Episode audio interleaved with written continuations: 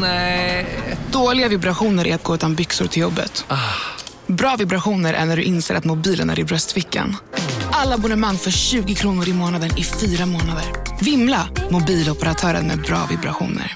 Hej, Susanne Axel här. När du gör som jag och listar dig på en av Krys vårdcentraler får du en fast läkarkontakt som kan din sjukdomshistoria.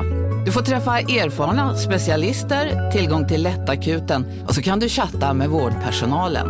Så gör ditt viktigaste val idag, listar dig hos Kry. Ja, Hallå?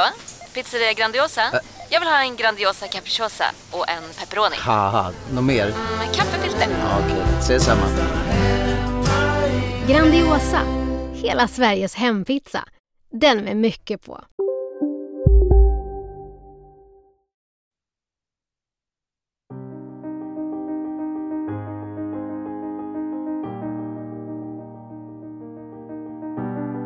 Hej och välkomna till podcasten Må bra med mig Isabelle.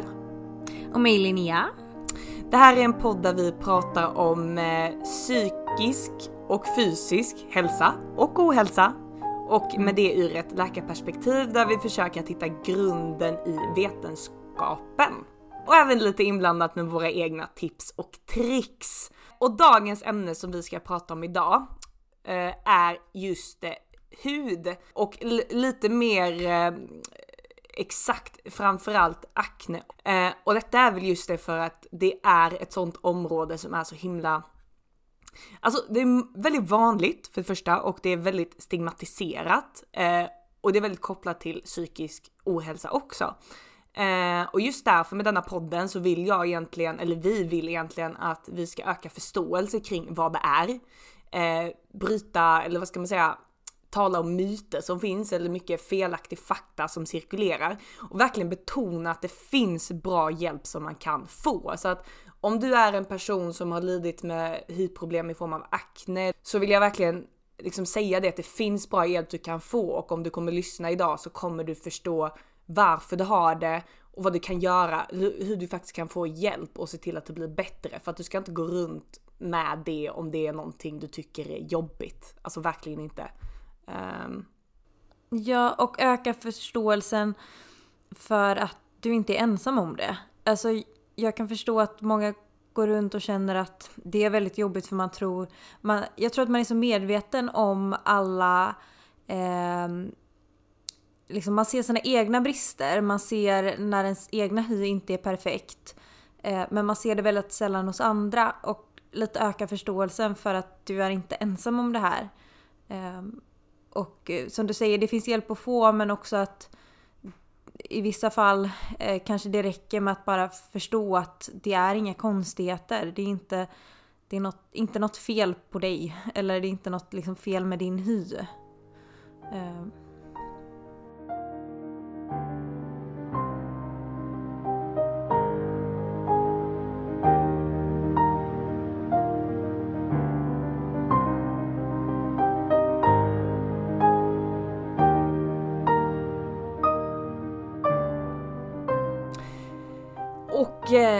då tänkte jag faktiskt börja prata om vi har ju börjat prata om detta lite att det kan påverka en både rent, alltså psykiskt även. Och jag tänkte faktiskt börja prata lite om det, just kopplingen mellan hud och psyke. Bara för att få en fin introduktion och liksom verkligen säga varför jag tycker det området är så viktigt.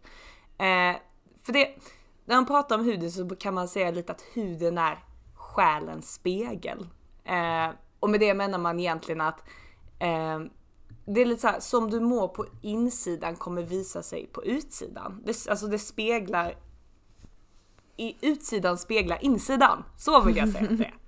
Eh, och eh, det, det är mycket så här att både huden och eh, nervsystemet, om man ska liksom gå tillbaka till hur kroppen fungerar, så utvecklas de från samma, man brukar prata om groddblad, det vill säga att när man är ett embryo egentligen, det är en liten, liten, liten, inte ens en bebis, liksom innan man är en bebis i magen, så är det ett visst område som vissa, alltså kroppens olika delar kommer från olika områden i de här första cellerna i embryot. Och då är det faktiskt att både eh, hjärnan och, ehm, och ehm, huden kommer från samma område. Och det är väl lite där man börjar liksom man också börjar prata om att det finns en större koppling mellan hud och hjärna än vad man, alltså det finns även en kroppslig förklaring till det hela. Mm. Eh, bland annat att det finns samma eh, samma, vad ska man säga, ämnen i kroppen som både påverkar hjärnan men som även påverkar huden. Det är liksom samma signalsubstanser där, samma, om man ska säga det enkelt. Gud vad jag hade Eh. glömt av alla olika grodblad. Ja, nej jag kan inte groddbladen egentligen men det var, jag kollade på detta just koppling mellan psyke och eh, hud och det, det är liksom, det är inte bara det att det finns liksom en nu vet man ju inte jättemycket om allting men liksom inte bara det att man ser en rent generell koppling att om du har en dålig hud så kan du må dåligt men alltså att, att verkligen verkar finnas någonting en större grund i det hela om man säger så som jag tyckte var väldigt spännande. Ehm, Och, och sen tänker jag, nu bara så här tankar, jag tänker att ansiktet är ju det vi eh, ofta visar utåt sett. Eh, Så det är ju ganska lätt att det är det man kopplar till sig själv. Eh, alltså övrig del av kroppen och sånt är ju ofta eh, man har kläder och allting men alltså ansiktet finns ju alltid där. Och huden. Ja, precis, det är ju ingenting du kan täcka över direkt. Om du, alltså har du ett märke på ryggen, eller sånt, du kan ju ändå täcka över med en tröja även om det kan vara jättejobbigt för de som kanske har ett märke på ryggen eller ett märke på foten eller benet. Så tänker jag att ansiktet det är ju ändå den första folk ser när de träffar dig och något du inte kan täcka över. Om vi inte lever i covid och lever med munskydd men Ja. Munskydd, visir. Men, eh, men jag pratade ju precis om det här med dig Linnea, om den här lilla kopplingen och groddbladen och hjärnan och huden, eller hur? Men i alla fall det här då, så är det ju så här, om man ska, liksom om man ska ta lite konkreta exempel på hur huden och hjärnan egentligen är kopplad. Då kan man exempelvis säga när man är generad eller känner sig generad, liksom en känsla typ. Då kan man bli röd i ansiktet eller på huden, eller hur? Det har vi alla Eller varit med röd på öronen blir jag Ja, alltid. du blir röd på öronen. Eh, och det är samma sak, fryser man så ställer ju sig håret upp på huden, eller hur? Eh, om man är stressad då svettas man. Så att det är ju väldigt stor koppling mellan liksom hjärnan och huden på många olika sätt. Vilket är ganska intressant att ha med sig. Men sen kan det ju vara lite olika typer av kopplingar mellan, mellan psyke och eh, hud. Och eh, det tänker jag inte gå in på i detalj. Men det som att vi ska prata om psoriasis så kan man ju säga att generellt när man, ofta när man pratar om liksom den psykiska kopplingen mellan akne och psoriasis hudsjukdomarna så är det framförallt att den psykiska påverkan är sekundär. Det vi pratar lite nu framförallt om att det kan finnas i ansikte och på kroppen du inte kan liksom skyla på det sättet att det är liksom att du mår dåligt på grund av att ha hudsjukdomen. Ehm, Att det blir liksom en, en negativ effekt av det hela. Ehm, Och det är så hemskt att, eh, hemskt att det ska vara, eller att det ska behöva vara så. Känner jag bara just nu. Det är jättehemskt. Så jag kan säga det, vet vi i Stockholm vad de har? Där har de en mottagning som är liksom där både eh, hud och psyk jobbar tillsammans. Som liksom en gemensam del på något sätt. Ja. Det har de bara i Stockholm. Men eh, det är väldigt fint, eller så här. ja, det är fint men ja. Det är bara så tråkigt att det ska behöva sitta så mycket Ja, alltså att den ska behöva alltså, utvecklas till det liksom. Ja, precis. Nej men för det man har sett och det är att många får så här, de får sämre, alltså de får ju, många får ju sämre livskvalitet. De liksom får ett sämre självförtroende, de kan få ett sämre sexliv, de kan bli deprimerade. Det finns även liksom folk som alltså gått så långt som till självmord. Och då är det framförallt att man har gjort studier vid psoriasis, men att det faktiskt kan sätta sig så hårt liksom, att man kan må så dåligt över det. Och då ska jag ju säga det att om du mår dåligt eller du känner någon som mår dåligt, vi pratar lite om den här mottagningen, då finns det ju liksom att man kan få hjälp med stödgrupper och psykoterapeutisk behandling. Så att mår du dåligt över det, så pass dåligt, då ska du liksom söka hjälp. Och du ska ta det på allvar, du ska liksom inte bara fortsätta stigmatisera eller att inte söka vård. Ehm, Nej. Och det är ju jätteviktigt oavsett vad anledningen är till att man känner så. Oavsett om det är huden eller något annat. ja, verkligen. Har man de känslorna så ska man ju, det finns hjälp att få. Men som sagt då, eh, och sen då har vi det liksom den, att man mår dåligt på grund av att man har dålig hy. Eh, men sen finns det äge- även, har man sett någon koppling mellan eh, psyket och fysiologin, det vill säga psyket och kroppen. Och vi sa ju lite det här insidan är, eller utsidan är lite speglande av insidan. Och det man har sett mycket med sådana här sjukdomar det är att ja men så här, desto sämre du mår på insidan, desto sämre blir det på utsidan. Alltså man kan tänka om du går igenom en livskris, eller du har mycket stress och du har en tendens att få akne eller du har psoriasis. Då ser man oftast att det blir mycket sämre. Alltså du får mer psoriasisutslag liksom, eller du får lite mer finnar om du har akne.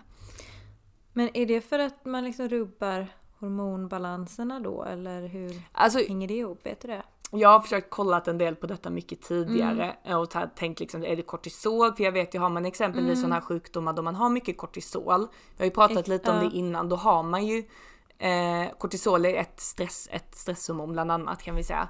Och då har man ju en, de har ju akne liksom och kan ha det. Sen om det exakt är kopplat till kortisol hade vågar jag inte svara på. Dels för att jag har försökt hitta och jag har inte hittat någon konsensus om det. Eh, eller bara för att jag inte Nej. hitt- letat på rätt ställen. Så jag vågar inte uttala mig om det. Men jag skulle absolut kunna tänka att det är ju liksom kroppen som inte är riktigt i balans och någon form av rubbning är det ju. Helt enkelt. det är, ja, för jag tänker, eh, det är ju... Du kommer väl gå in på det mer sen, men jag tänker det är ju liksom androgenhalterna under pu- puberteten som påverkar det. Mm. Och jag tänker har du till exempel PCOS som också är riskfaktor för det, du har också hormonnivåerna. Så jag tänker att det borde ju hänga ihop med det att du på något sätt får någon slags obalans i det som gör att det kan blossa upp under stress. Men Absolut, men det är väl liksom lite det, vilken exakt grej är det som gör det som... Ehm.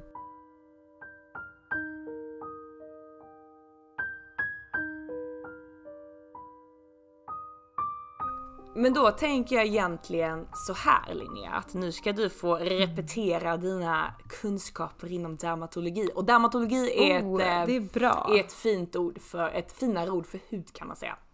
Ska ju tillägga det att jag läser just nu kursen inom hud så att jag, eh, Linnea läser den för Och några för år mig sedan. var det ett litet tag sedan så att jag eh, behöver lite repetition kan man säga. Ja, och jag är ju mycket för att om man ska förstå sig på vad, eller få en motivation till att eh, göra någonting i livet och eh, faktiskt tro på att det kan funka så måste man ha lite förståelse för vad det är man kan göra och vad, varför man ska göra någonting. Eh, så jag tänkte lite snabbt bara beskriva huden. Eh, och jag tycker den är ganska intressant för att alltså jag kan tänka mig att som jag Alltså jag har alltid fattat att vi har en hud, det är klart vi måste ha en hud men hur många gånger har man tänkt på varför har jag en hud och vad, vad gör min hud för mig egentligen? Alltså vad skulle... Det är, jag tänkte säga att det är kroppens största organ. Det är ju det! Och det är ett fantastiskt organ. De- Man tänker ju inte på huden som ett organ. Nej, Egentligen. Men det är det. Det är det. Men eh, kom, Det är ett väldigt viktigt organ. ett väldigt viktigt organ. Kommer du ihåg vad huden har för funktioner? Eh, alltså den är ju en del av immunförsvaret genom att vara en barriär. Mm. Mm, mm. Sen har den ju väldigt stor funktion i reglerat temperatur tänker jag. Mm. Med svettning och hu- äh, hårsäckar och så. Ehm, sen tänker jag att den är en barriär för att skydda allt i vårt inre. Mm. Egentligen. Ehm, sen har den ju, alltså det sker ju ganska mycket. Jag tänker med hela liksom D-vitamin. Eh, Mm. Metabolism och allting med solljus och den biten har ju huden också. Du måste ha varit, eh, haft duktiga föreläsare, varit väldigt duktig under dermatologikursen för du kunde mycket här Linnea. det är väl ungefär det jag kommer ihåg just nu. Ja.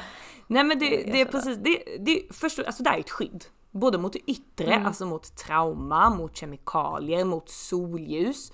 Vi bildar ju bland annat eh, eh, pigment i vår, eh, i vår hud just för att skydda våra celler mot solljus, mot DNA-skador som det kan inducera. Och DNA-skador kan ju leda till cancer. Eh, det är även en barriär för det inre. Det är liksom att du vet, håller, vi skyddar liksom det inre och bland, framförallt att vi skyddar oss mot en uttorkning. Alltså det är en barriär så att inte allt vatten bara liksom ska åka ut ur kroppen. Eh, kan man säga. Eh, den reglerar temperaturen som du sa. Den eh, sköter en eh, D-vitaminsyntes. Eh, och sen även då en koppling till eh, till hjärnan då helt enkelt bland annat vad gäller beröring, alltså både för social och sexuell Just kontakt. Och sen vad har vi då i huden egentligen? Jo men vi har ju hår, det tror jag alla har förstått vid det här laget. Vi har talgkörtlar som producerar talg, alltså typ fett skulle man- det är typ som en, vad ska man säga, lipidlager, fettlager typ. Ehm, och vi har även då ehm, celler som producerar eh, melanin, det vill säga pigment, som vi sa, för att skydda oss mot solljuset. Eh, och sen så har vi, vi har många andra grejer, men för att liksom ta det viktigaste här för att man ska förstå sig på, så har vi även svettkörtlar. Eh, och sen har vi andra celler som liksom är själva huvudgrejen i huden som kallas keratinocyter. Väldigt fint ord.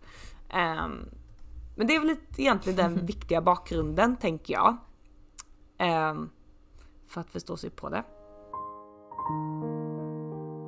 Men vad är då egentligen akne? Varför, varför har man akne och vad är det som gör att man får akne? Och då ska jag börja med att bryta en myt. myt. Bra, jag tänkte säga vad bra, den kan vi väl börja med. Vi börjar med den, en av grejerna i alla fall. Mm. För folk som mm. tror att, eller alltså det kan jag tänka mig att det är många som kollar, tänker sig ja akne, vad äcklig jag är, vad oren jag är eller kanske har den känslan. Och så är det inte. Fel, fel, fel, det är fel. fel. Akne handlar inte om att du är oren, det är ingenting du kan tvätta eller skrubba bort. Det är helt enkelt någonting som kommer inifrån och det är helt normalt. Eller som man säger på läkarspråk, det är helt fysiologiskt. Det är helt normalt att din kropp gör så. Eh, och då är det ju framförallt då det som händer. Eh, det uppstår ju oftast under tonåren. Eh, då man får en ökad, eh, ökad sådana här könshormoner som vi pratade om väldigt passande för två avsnitt sedan. Eh, mm. Och det här kommer leda till, eller generellt kan man säga att, att akne är en kronisk inflammation vid tallkörtlarna kan man säga. Eh, och det som händer då när man är i puberteten, det är ju att man får en massa påslag med hormoner och grejer och så vidare. Men och så, vidare. och så vidare. Men den viktiga hormonen... Och en massa annat. Och, och en massa annat som händer. Ja, ja. oj, oj. Eh, men den viktigaste här är egentligen eh, testosteronet, eller androgenen då, det här, vad ska man säga, manliga könshormonet egentligen. Mm. Framförallt, men kvinnor har ju det också. men det det gör då, det är att den ökar den här talgproduktionen i talgkörtlarna. Så det första som händer är att vi får testosteronet gör att vi får en ökad talgproduktion i talgkörtlarna. Till detta får vi även eh, något som kallas abnorm hyperkeratinisering. Let me break it down for you. Nej men vi hade de här keratinocyterna som är de här liksom dominerande cellslaget i huden. Och de här kommer börja föröka sig väldigt, väldigt mycket till den nivå att de liksom täpper till utförsgångarna för de här tallkörtlarna. Kan man säga, där talget liksom ska gå ut från, för körteln sitter liksom lite ingrävd i huden. Och då ska det här talget komma ut och upp på huden och det gör den via en utförsgång. En liten tunnel typ. Eh, och just eftersom att de här cellerna ökar sig så mycket så kommer de liksom lägga sig över den här utförsgången och det blir tilltäppt. Och under där har vi då massa talg som har ökat så det blir liksom som en bulle, en instängd liten bulle kan man säga. Och det som händer när vi har den här instängda bullen, det är att då har vi en, en viss eh, eh bakterie i huden som är normalt att ha. Som heter, väldigt fint ord, propiono, pro, mm, propionibacterium acne. Eh, och den här kommer då att kunna, det här miljö den tycker om, sen börjar liksom växa till sig och gotta till sig och då får vi en inflammation. Som vi sa, det är ju en inflammation det här. Och då får vi en finne. Och ja, det vi inte vill ha. Men så är det. Det är så det fungerar. Och det är just... Ja, och ja. Du, sa, du sa nog det men jag vill bara poängtera det på nytt att det här är ju inte en bakterie som är något som, som du har sagt innan, det är inte något som kommer för att man inte har tvättat sig ordentligt eller så, utan det här är ju en bakterie som finns naturligt där. Precis, alltså ja, vi består ju mycket mer, vår kropp är gjord av mycket mer bakterier än oss själva egentligen. Mm. Så det är ju en bakterie som, du, som är helt som liksom, det är inte så att du får bli sjuk av den här bakterien på något sätt. Den är där men just eftersom att ha de här andra grejerna så leder till att den liksom växer till sig och det blir en inflammation. Um, och det är just därför man också får, eh, så om man förstår sig på detta så förstår man sig på okej okay, varför får man liksom finnar eller akne i ansiktet, bröst och rygg? Jo, för att där har vi mycket sån här talgkörtlar, det är där allt börjar. Mm. Och varför får man det oftast i tonåren mellan man brukar säga att man får det från puberteten börjar liksom upp till ungefär 25 år brukar det läka ut för de flesta den här typen av akne. Och det är just för att då har du den här liksom, eh, vad ska man säga, imbalansen med testosteronet helt enkelt. Eh, sen finns det ju de som har akne längre, alltså även i vuxen ålder och får det sent eh, i åldern. Men eh, Acne tarda. Acne tarda, precis. Ehm, Även om alla går igenom puberteten så får ju ändå inte alla finproblem eller akneproblem. Och det man har sett är en stor koppling, det är ärftlighet. Alltså har du föräldrar eller folk i din familj som har haft det, då har du en större benägenhet eller större trolighet att du också får det. Eh, sen så finns ju vissa saker som skulle kunna påverka och göra att du får det. Det är vissa typer av läkemedel. Eh, och som vi pratade lite om att stress kan göra att det blir sämre, men kanske inte grunden i sig. Eh, sen finns ju andra tillstånd som kan göra, alltså andra sjukdomar egentligen i kroppen som kan göra att du får det. Och ett, eh, inte ett jättevanligt men ändå kanske ett ändå ganska förekommande grej är något som heter PCOS som är polycystiskt ovariesyndrom. syndrom och då, 5-10% av alla kvinnor i fertil ålder. det är så pass många alltså? Ja. Ja. Men, eller jag kanske har en sak som jag vill bara lägga till lite innan. Ja. Eh, och det är väl bara att det finns flera, ganska många olika typer av akne. Eh, och det, det kan också vara bra att ha med sig när du kommer att prata sen om behandling. Att, eh, att det finns olika, akne är inte bara en typ. Eller det, det finns liksom olika typer som ser ut på olika sätt.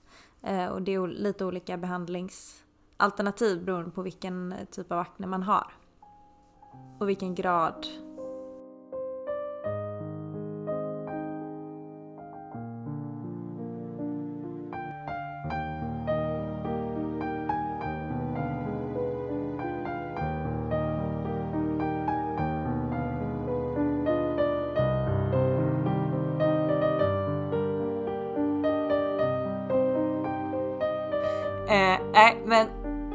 återigen till det här då, för att jag vet att eh, när man väl sitter där liksom och jag sa att ungefär var tredje tonåring egentligen skulle behöva någon form av behandling för sin akne. Och, eh, och eh, det finns verkligen hjälp att få men det, det är ju så att det är många som inte ändå söker hjälp fast de faktiskt skulle kunna få väldigt mycket hjälp och det är oftast kanske så här man tänker att ja men jag får bara leva med det typ. Jag har bara oturen att ha det eller kanske att det är pinsamt att söka vård eller att man kanske inte vet vart man ska vända sig och det är därför jag tycker jag verkligen vill upplysa det här för jag själv satt där och liksom försökte googla och bara vad kan man göra, vad ska jag inte göra och jag tänkte aldrig typ en tanke på att man faktiskt kunde gå till läkaren och få hjälp. Alltså det kommer typ inte. Ehm, så jag vill verkligen highlighta det att det finns mycket hjälp man kan få. Det finns faktiskt väldigt bra hjälp också. Det är liksom inte ett hopplöst case. Ehm, så eh, därför tycker jag att nu går vi vidare med behandling. Ja. Ehm, och då är det helt enkelt Om en yogamatta är på väg till dig, som gör att du för första gången hittar ditt inre lugn, ett lugn du inte trodde fanns, som gör att du blir en trevligare partner, en bättre bilförare, en bättre kock. Du blir befordrad på jobbet men tackar nej, för att du inte längre drivs av prestation utan vill göra saker som känns meningsfulla i livet. Och, ja, eller ja, då finns det flera smarta sätt att beställa hem din yogamatta på. Som till våra paketboxar placerade på en plats nära dig och tillgängliga dygnet runt. Hälsningar Postnord. Upptäck hyllade XPeng G9 och P7 hos Bilia. Våra produktspecialister hjälper dig att hitta rätt modell för just dig. Boka din provkörning på bilia.se xpeng redan idag. Välkommen till Bilia, din specialist på XPeng. Kolla menyn. Vadå? Kan det stämma? 12 köttbullar med mos för 32 spänn. Otroligt! Då får det bli efterrätt också. Lätt! Onsdagar är happy days på IKEA. Fram till 31 maj äter du som är eller blir IKEA Family-medlem alla varmrätter till halva priset. Vi ses i restaurangen på IKEA. Du upplever att du tycker du har en problem med din hy och du tycker att jag vill inte ha kvar, du upplever att det här vill jag göra någonting åt. Då det är det helt enkelt gå till en vårdcentral. Och då kan de hjälpa dig där och beroende på som vi pratade om hur vilken typ av akne du har och hur grav den är så kommer du kunna få olika typer av behandlingar. Eventuellt kommer du få åka vidare eller bli remitterad som man säger, vidare skickad till en, alltså en specialist inom hud helt Mm. enkelt. För att den ska kunna hjälpa dig. Får- jag bara nämna en sak där innan? En Mm. sak som är bra att tänka på också är att eh, försök att inte klämma på dem. Eh, för att när man är där och petar då irriterar man huden och ökar bara på inflammationen. Eh, så Mm. steg ett är att försöka undvika att, att vara där och peta. Även om det kan vara svårt. Nej precis som du säger. Det blir en värre Mm. inflammation, det tar längre tid för en läkare och du har även risk att få då sämre akne och även sår och ärr. Eh, och det är just det också lite därför man ibland vill behandla, när man väljer att gå in med lite starkare behandling så är det mycket typ så här för att man vill undvika också för att få alltså väldigt, väldigt svåra Mm. ärr. Alltså gropar i huden. Så du har helt rätt, inte klämma. Det, det är så kul för att jag tycker så här när man hör om detta, alltså så här, inte legit källor, men det är så här, någon säger kläm inte, någon säger kläm på, njut av tillfredsställelsen typ. men, eh, men eh, Det ska man inte göra. Nej men precis, så vi pratar lite om det här med behandling. Och eh, ska också lägga till det att hur, hur bra det fungerar såklart på en viss individ, det är ju väldigt från person till person. Mm. Men generellt om man tänker liksom procentuellt så är det väldigt bra, hjälper oftast väldigt Mm. bra. Ehm, och som vi sa innan, det är ingenting du kan, det är inte, det är inte att du är smutsig i huden, du kan inte hålla på att tvätta bort den. Tvärtom, om du håller på att tvätta jättemycket med massa olika grejer som du köper online till typ dyra pengar. Det, det kan bli att det bara blir värre för att du liksom övertvättar och huden blir bara ännu mer irriterad. Mm. Så de generella riktlinjerna vad gäller det så är det liksom eh, tvätta med skonsamt tvål och vatten. Eh, finns lite receptfria saker man kan köpa liksom. Det är bättre att fråga på apoteket. Eh, sen så om, om du behöver smörja med mjukgörande, du ska ha någonting med låg fetthalt. Och eh, ett receptfritt grej som du kan köpa ut, alltså som faktiskt kan hjälpa, det är något som kallas för Basirom. Mm. Eh, Den har jag faktiskt använt. Jag tycker den fungerar jättebra. Ja, vet du vad den gör för någonting? Ehm, ja, det vet jag egentligen. Eh, men jag kommer inte ihåg. Nu, nu läste jag det precis här. Eh, eller? Är det bensylperoxid? Ja, precis. Ja. Bensylperoxidas är liksom Ja. det aktiva ämnet. Och det är just det att den, är, den döda bakterien, den är så fint, Mm. den är antibakteriell är den. Sabbar också min kudde kan jag säga. Ja, den färgar väl av sig. Nej, den bleker. Den bleker. Mm. Ja men det kan bra, kan man sova på vita kuddar i alla fall så blir det Ja, bleka. precis. får Men jag hade en grå. På... Den är nu... Ja, Okej, det var inte så bra. Nej, den är vitgrå kan jag säga. Nej men så man tänker liksom vad kan jag göra själv liksom om man, om man tänker att jag vill prova lite själv eller jag vill vill eh, sätta igång redan nu, då är det liksom tänka skonsamma tvålar, eh, återfuktande hudkräm med lite fett i eh, och sen kan man köpa såna här receptfria grejer, exempelvis Baciron då som ska vara väldigt bra.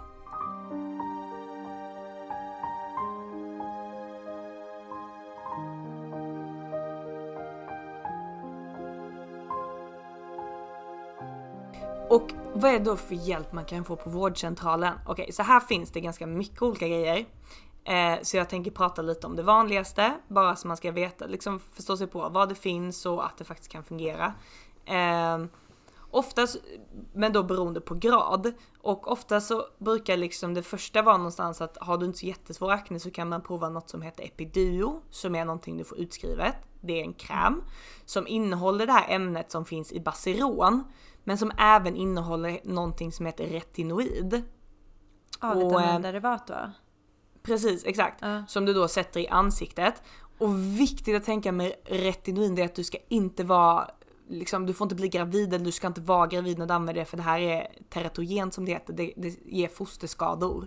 Så det är jätteviktigt att tänka på. Men, eh, och det som den här retinoiden gör då, det är egentligen att den, den löser typ upp pormaskar eh, och den gör att vi inte får den här extrema eh, proliferationen av de här cellerna som täpper till och den har även en viss sån här antibakteriell effekt som den här eh, bensylperoxidaset eller då bas- basironet också hade.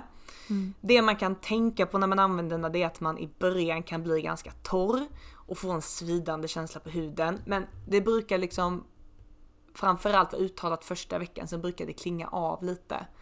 Ehm, och sen då avta liksom. Så det är Epiduo. Mm. Sen har vi någonting som man ofta också använder, det är antibiotika. Och det finns både i kräm, alltså som du smörjer på i ansiktet, och även tabletter. Eh, det här ska också ha väldigt god effekt och det kan upprepas två gånger om du, om det inte, om det inte blir riktigt bra på första gången.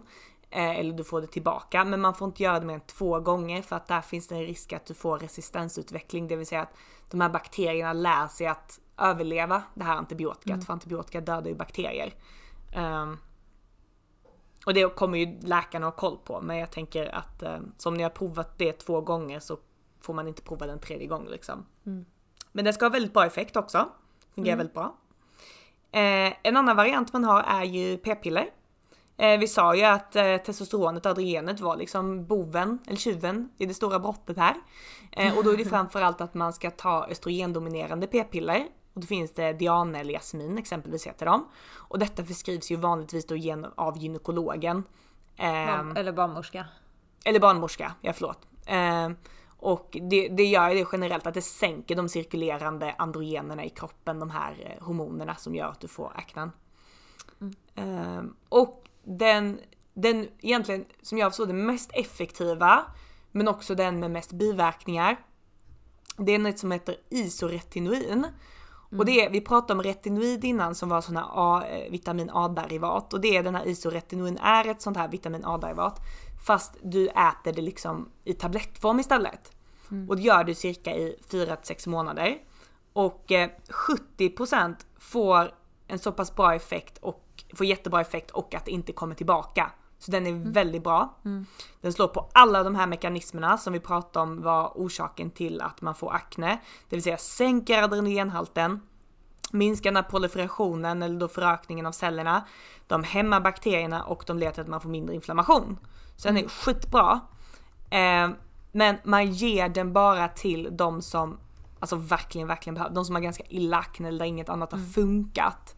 Eh, och man kan få ganska mycket biverkningar. För det första så är det här att du får inte bli gravid under den här tiden. Absolut inte. För att du ska ta denna så måste du först skriva på ett kontrakt på att du lovar att inte bli gravid. Du måste stå på p-piller, eller du ska stå på p-piller liksom. Och du ska även använda barriärskydd, det vill säga typ kondom eller liknande. Mm. Eh, och eh, andra biverkningar då man kan få det är att man kan bli väldigt torr i hud och slemhinnor, alltså i ögon, på mun, läppar och det blir mycket substitut med olika mjukgörande och liksom grejer för att liksom inte känna sig så himla torr.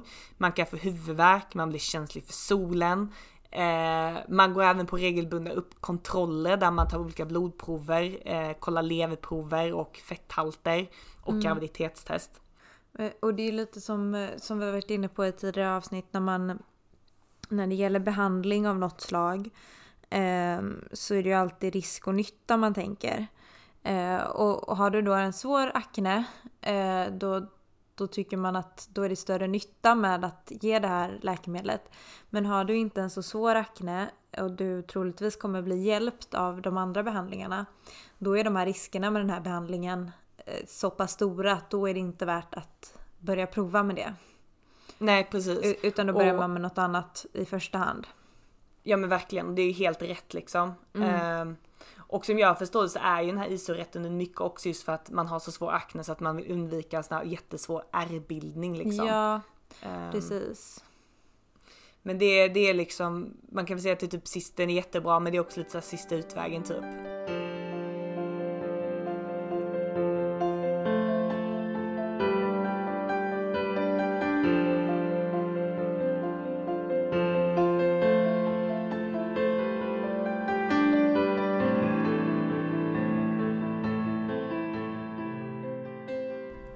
Sen kommer vi egentligen till det jag tycker lite mest intressant förutom behandling. Eh, och det är Men får mycket jag, sånt får här. jag ta upp en sak där då innan? Ja. Eh, för att, och det här är liksom något som jag tänkte höra om du vet om det finns något stöd för. Mm. Eh, för jag har inte läst på något men eh, jag upplever och jag vet många som också har lite besvär med huden som inte har någon så svår akne där man kanske ibland tar lite Baseron, kanske inte ens tänker på det utan det går lite upp och ner med hormonnivåerna och Mm. allt sånt.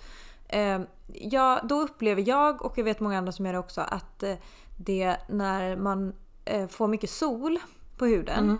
att det på samma sätt kan liksom först blossa upp men sen upplever jag att huden blir bättre. Mm. Finns det något stöd för det eller är det bara att jag mår bättre av solen och att det är liksom alla, allting i kroppen förändras av det? Du frågar mig om vad som är hönat och vad som är ägget Linnea. Mm, Jag skojar. mm. Nej men så här, det här Nej men jag det tänkte om du jag hade hört jätte- något nej. om sol och akne. Alltså så här, sol är någonting som många upplever att det gör det bättre. Ja. Men det betyder verkligen inte att alla blir bättre av det. Det finns ingen riktig konsensus där Nej, heller. det finns inget stöd vissa blir det, bättre, liksom. nej, vissa blir bättre och Mm. vissa upplever ingen skillnad eller så här eller vissa kanske blir sämre. Nej. Men det är väldigt intressant argument. Jag har inte tänkt så långt just det här med att säga att du mår bra av solen. Mm. Det Mm. kanske egentligen bara, det kanske inte är solen i sig, jag vet inte. Det kanske är mer egentligen att, att du känner att eh, Jag nu är blir jag lugn, lycklig. lite mindre Precis, och vi sa ju allting. utsidan speglar Mm. insidan. Så nej men jätteintressant och det är just Ja. de här områdena som jag tycker är väldigt intressanta för det finns ju väldigt många diskussionstrådar kring huden och kopplingar med till liksom lite mer yttre faktorer kan man säga. Ja. Eh, och det är just det här som vi pratade lite om, solljus. Eh, det är väldigt omdiskuterat det här med, med kosten. Mm. Eh, jag vet, once again när jag googlat tjotahejti ur mig själv liksom så kom jag på någon sån här flik, det var två typ lite halvkända tjejer som då hade fan, liksom så här basically hittat the treatment for acne för de hade bytt ut hela sin kost och plötsligt så var deras hud jättefin. Så de skrivit Mm. en bok och jag vet inte om detta var bara något sätt som de skulle tjäna pengar på eller om det faktiskt fanns och det var något annat de hade gjort för att bli av med den eller om de bara liksom hade vuxit ur det med åldern Mm. eller vad det var. Men jag kollade upp lite det här vad de säger för att man pratar mycket om att det som är omtalat då det är att man ska undvika kost som har ett högt GI-index. Och det Mm. betyder sån mat som höjer ditt blodsocker väldigt snabbt, typ godis, läsk, vitt bröd, pasta, sådana grejer liksom. Alla godsaker. Eh, Allt som är alla gott livet, godsaker helt enkelt. enkelt. Och det är här är lite, lite som vi pratade om med solen att det finns ingen konsensus kring det. Vissa på individnivå, vissa individer, vissa personer upplever att de blir bättre i sin akne av det. Och vissa typ Ja. ingenting alls. Så det finns liksom inget bevis för det. Men sen Nej. är det så här, det är inget fel i att undvika sån mat. Det är inte så att du skadar dig själv genom att göra det om du försöker äta lite mindre av det. Du ska äta allt på, som finns men lite mindre. Så att Ja. om du känner att du mår bra av det så liksom, det är inte så att någon skulle säga att du inte ska göra det. Men, eh, Men det finns inget egentligen stöd för att det är, är något som funkar för alla. Nej, Men precis, Även om där- vissa upplever. Och det finns inget stöd för hur det funkar. Nej precis, Eh. och där kanske det är once again att det är vissa som bara känner, känner att de blir lyckligare och Mm. lugnare i själen av att äta. Mm. Undvika sån mat och kanske därför de mår bättre, jag vet inte men Mm. Men eh, jag ville bara säga att det finns liksom inget bevis, vetenskapligt Nej. bevis för att det faktiskt ska funka men om du upplever själv att det funkar då kör hårt liksom. Ja. I'll support you. Men om vi fortsätter på den här tråden då av myter och eh, forum på internet då. Som jag har betat med igenom mycket. Då eh, finns ju mycket som att man ska köpa och beställa så här väldigt, väldigt mycket vitamin och grejer egentligen. Och, eh, och jag hade en period där jag skulle prova massa, massa, man skulle äta typ x antal eh, kapslar B-vitamin av ett visst speciellt B-vitamin, jag kommer inte ihåg vilket. Eh, som då skulle vara jättebra typ och jag tyckte väl lite såhär, ah, men det funkar bra typ. Så jag gjorde det några månader men det blir väldigt dyrt och det blir väldigt jobbigt att trycka i sig extremt stora tabletter varje dag. Flera månader typ. Eh, och då ska jag säga once again att det här finns inget vetenskapligt stöd att detta funkar heller och vi har ju pratat om kosttillskott innan och att trycka i sig så mycket vitaminer av ett specifikt vitamin. Alltså, jag vet inte. Efterhand så känns det väl inte jätteväl genomtänkt men eh, men eh, ja, det finns inga vetenskapliga bevis för det heller. Nej, och framförallt så är det bara en så onödig kostnad. Ja. Här, ja. Det blir dyrt helt enkelt, framförallt när du kan gå till läkaren och faktiskt få grejer som det finns evidens för att det funkar till en mycket, mycket billigare peng. ja, eller gå till apoteket Ja. liksom också och få bra, hitta något bra. Precis. Ehm, Och det är, det är samma sak med alla de här skönhetssalongerna som har jättedyra behandlingar och jättedyra lasrar och där finns inte heller, man har kollat på det, det har inte visat något höjda resultat och det är inget som man rekommenderar heller liksom från sjukvårdens Nej. sida. Eh, sen absolut så köper jag ju det att det är väldigt skönt att gå på en ansiktsbehandling och man kör, känner sig lite fräsch Ja. och det känns bra, det ger det liksom lite välmående i lite stunden. egen tid. Ja men verkligen, ja, verkligen. om sig själv lite. Så jag ja. menar inte att man absolut inte ska göra det, jag menar bara att eh, det är inte där du hittar, det, jag tror inte det är där du hittar liksom boten till problemet. Får jag, får jag lägga till en sak där bara? Jag tänker rent generellt, eh, men som vi pratade lite om kosttillskott och de här olika produkterna som finns och köpa receptfritt ändå så du inte behöver gå till en läkare till, eh, för att liksom få prova. Du kan köpa på apoteket. Jag tänker att där kanske det är också ganska bra att vända sig till typ apoteket. Eh, Mm. För att då vet du lite vad du får. Hellre det kanske än att gå och prova en massa som du hittar på någon lite halvsketchig hemsida. Eh, där de ofta säljer för säljarens, säljandets skull. Alltså det är klart att apoteket också vill sälja men det är inte riktigt på samma sätt.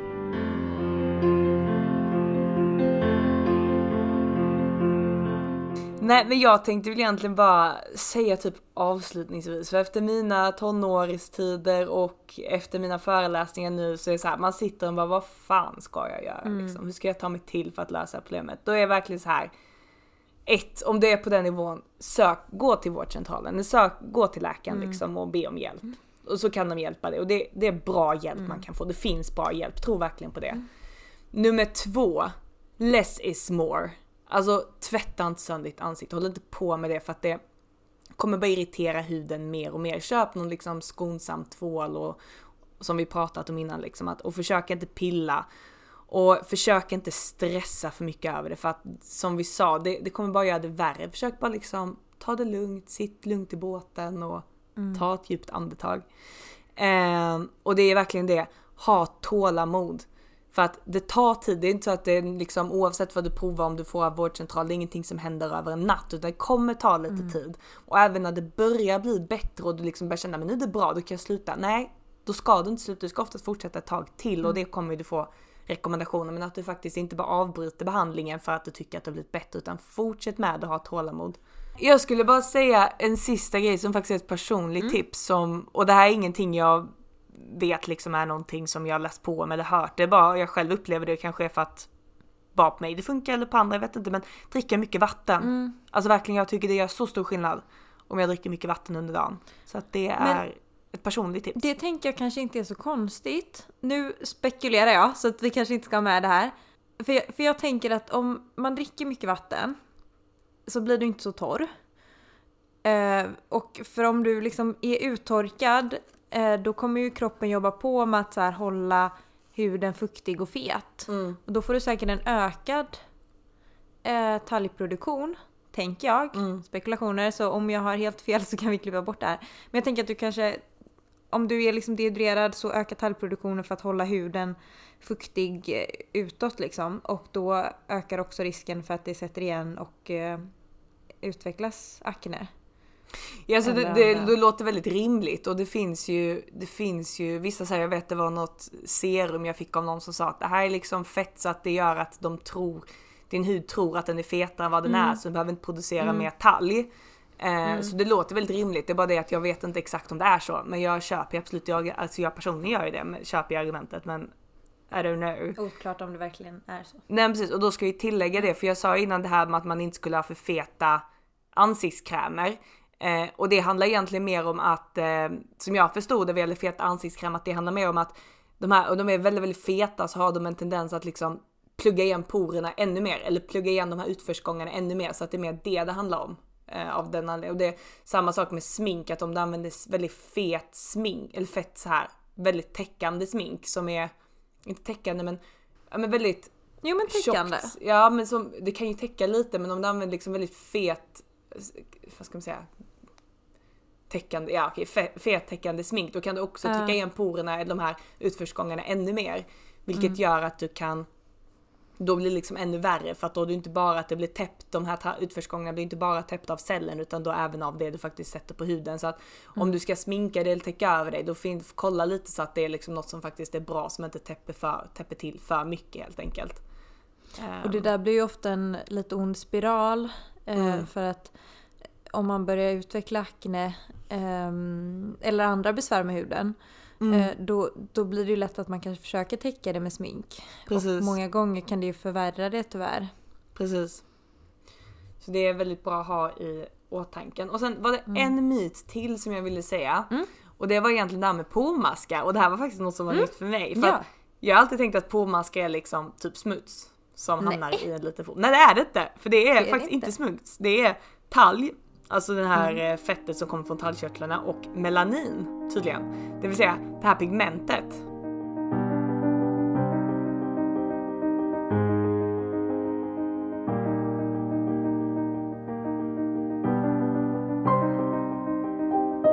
Tusen tack för att du har lyssnat på oss idag.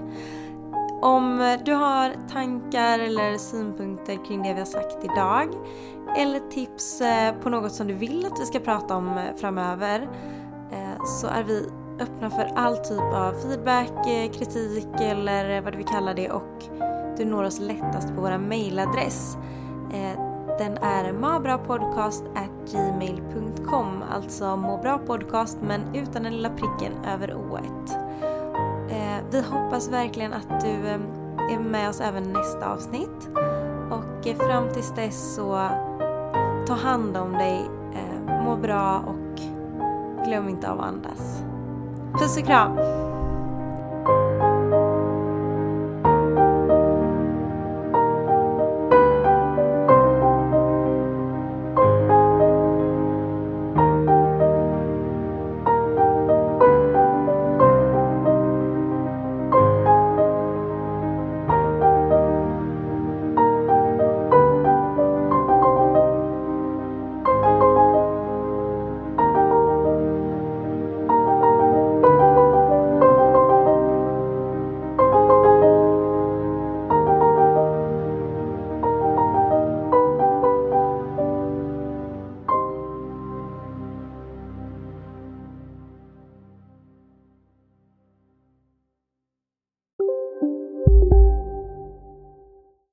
Till Unionen. Hej! Eh, jo, jag ska ha lönesamtal och undrar om potten. Ja, om jag kan räkna med övertidsersättning för det är så stressigt på kontoret jag jobbar hemma på kvällarna så kan jag då be om större skärm från chefen för annars kanske jag säger upp mig själv. Och hur lång uppsägningstid har jag då? Okej, eh, vi börjar med lön. Jobbigt på jobbet. Som medlem i Unionen kan du alltid prata med våra rådgivare. Psst! Känner du igen en riktigt smart deal när du hör den?